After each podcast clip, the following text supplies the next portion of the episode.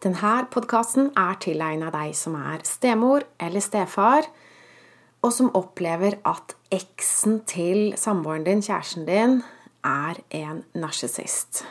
Hvordan skal du håndtere det? Det første jeg vil si, er at du har større makt over situasjonen enn du tror.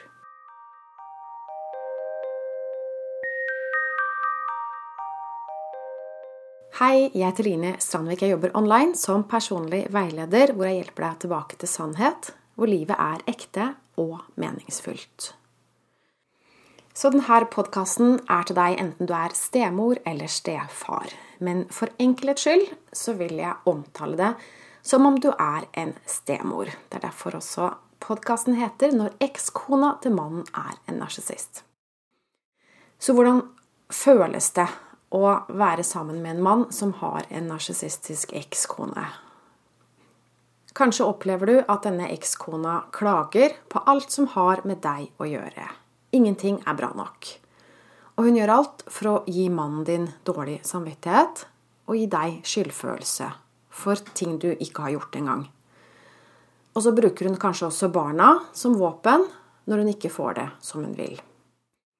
Hvis ekskona til mannen din virkelig er en narsissist, eh, eller en person med narsissistiske trekk er vel en riktigere betegnelse, men for enkelhets skyld for dette bruket så kaller vi det bare en narsissist. Hvis eh, denne ekskona er en narsissist, så er det en person som får næring av å skade andre emosjonelt. Og denne næringa det kaller vi narsissistisk forsyning. Og det høres jo merkelig ut at noen liker å plage andre, men du har sikkert hørt begrepet 'å hevde seg på andres bekostning'. Det er det jo veldig mange som gjør, og det er det narsissister gjør. Det hjelper dem at de sårer andre. For det første så føler de seg bedre i forhold til den andre når andre ligger nede. Og så er det også noe med å føle makt over andre. At man er i stand til å påvirke andre menneskers liv. Narsissister er på mange måter omvandrende septiktanker. De får utløp for sin indre smerte ved å ta det ut til hverandre, i stedet for å ta ansvar for å rydde opp på innsiden av seg selv. Så det går utover alt og alle som er i nærheten. Og du er jo nå veldig tilgjengelig. Du er mer eller mindre fastlåst i denne familien. Et lett bytte som narsissister ikke kan motstå. Dette er ubevisste mekanismer, og det er overlevelsesmekanismer. Det er sterke krefter. Og hvis du opplever det, så spør du deg selv kanskje hvordan kan jeg få stoppa hennes grove påstander og løgner om meg? Hvordan kan jeg få stoppa hennes manipulering av mannen og, og barna? Og hvordan kan jeg få henne til å la oss være i fred? Og det kan du stoppe, men ikke på den måten som du tror. Du kan ikke bare si til henne 'Jeg vil du skal slutte med det her', og så slutter hun med det. Hvis du gjør det, så blir det bare verre. Det du må gjøre, det du kan gjøre, det er å slutte å gi narsissistisk forsyning. Du må endre på hvordan du reagerer. Du må slutte å bli lei deg, slutte å bli irritert. Ikke ta det personlig. Og det er lettere sagt enn gjort. Jeg har laga et online-kurs som lærer deg hvordan. Og det handler litt om hvordan du møter dine indre sår, og helbreder dine indre sår. Og hvorfor er det så viktig? Det er fordi en narsissist har ikke andre våpen mot deg enn dine indre sår. Så hvis du fjerner dem, så mister narsissisten makten. Det tar litt tid å forstå denne prosessen, hvordan det funker. Men det funker. Det funker virkelig, virkelig bra. De som har tatt kurset, de forteller at det var helt eh, utrolig hvor raskt dette problemet ble løst. Noen av dem har slitt med det i årevis, og i løpet av få uker så var jobben gjort. Kanskje tenker du hvorfor skal jeg gå på kurs? Hvorfor kan ikke narsissisten gå på kurs? Eller hvorfor kan ikke mannen min gå på kurs? Vel, narsissister går ikke på kurs, og hvis de gjør det, eller hvis de går i terapi, så hjelper det ikke deg i det hele tatt. Det blir sannsynligvis enda verre, fordi de lærer nye teknikker til å manipulere på nye måter og skjule misbruket sitt. Det er snakk om misbruk. Det er psykisk misbruk. Kanskje tenker du at det er mannen din som skal gå på kurs, og ikke deg.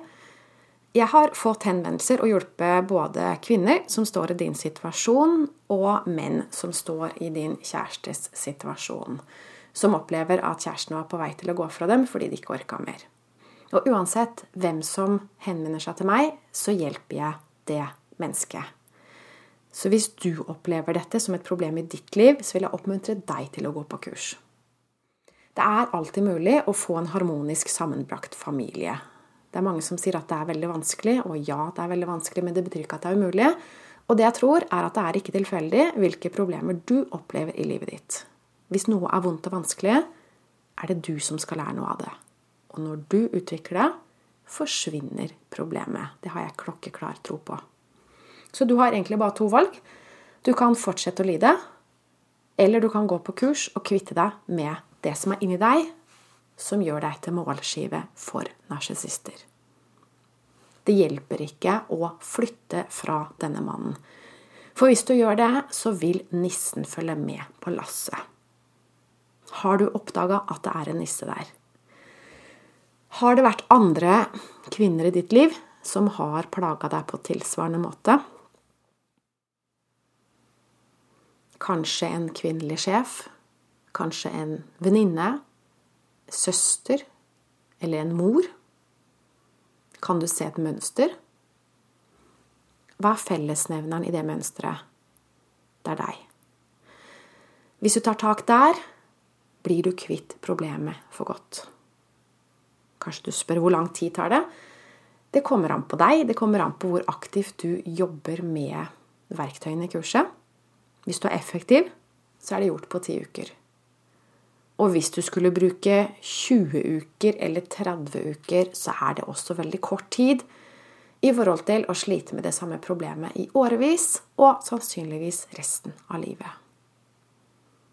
Hvis du har lyst til å høre mer om det her, så tilbyr jeg gratis introsamtaler. Og her kan du snakke mer direkte med meg du kan stille meg oppfølgende spørsmål, og jeg kan undersøke om du er klar til å gjøre en endring. Og så vil jeg motivere deg til å gjøre denne endringen. Så bestill en gratis introsamtale med meg på linestrandvik.no klarhet, så tar vi det derfra. Og hvis du ikke ønsker å gå på kurs og bare ønsker å snakke med meg, så tilbyr jeg også samtaler, men det finner vi ut av. Så det var det jeg hadde til deg i denne podkasten. Takk for at du lytta med. Jeg ønsker deg en fin dag videre, og så høres vi i neste podkast. Ha det!